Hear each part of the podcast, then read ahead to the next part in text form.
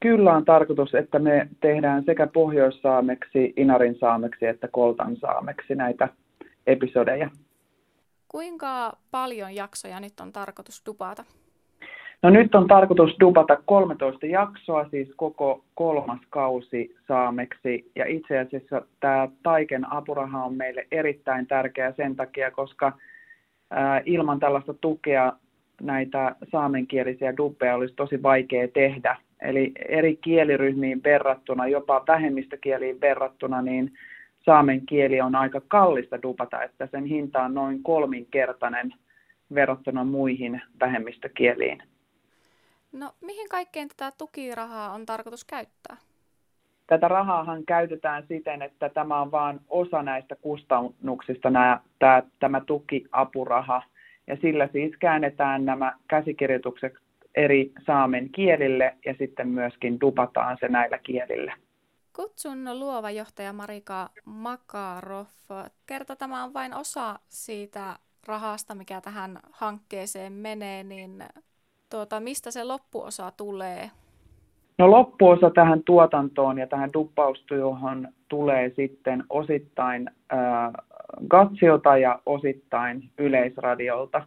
Et mehän nähdään, että tämä työ on ensiarvoisen tärkeää, että me pidetään näitä vähemmistökieliä elossa, eli meidän mielestä tämä on erittäin tärkeää työtä, ja silti se vaatii aika paljon niin kuin taloudellisia resursseja, että tällaisia saamiduppauksia esimerkiksi pystytään tekemään.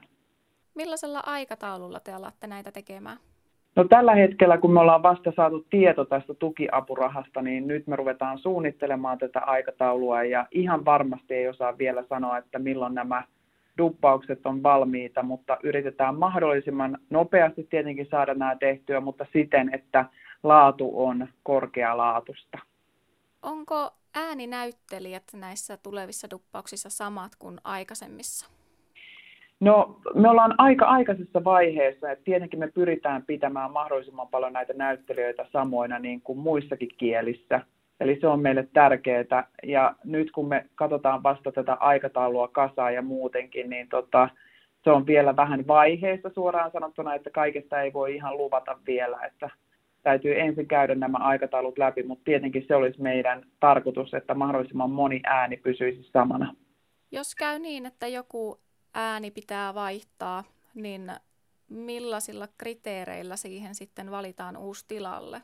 No, jos se koskee näitä pääosanäyttelijöitä, niin Gatsilla meillä täällä on äh, tällainen hyväksyntäryhmä, eli silloin nämä pääääninäyttelijä antaa meille ääninäytteen, ja jos on useampia näyttelijäehdokkaita, niin sitten otetaan useampia näyttelijäehdokkaita noin kolme kappaletta, jotka sitten laittaa ääninäytteen meille.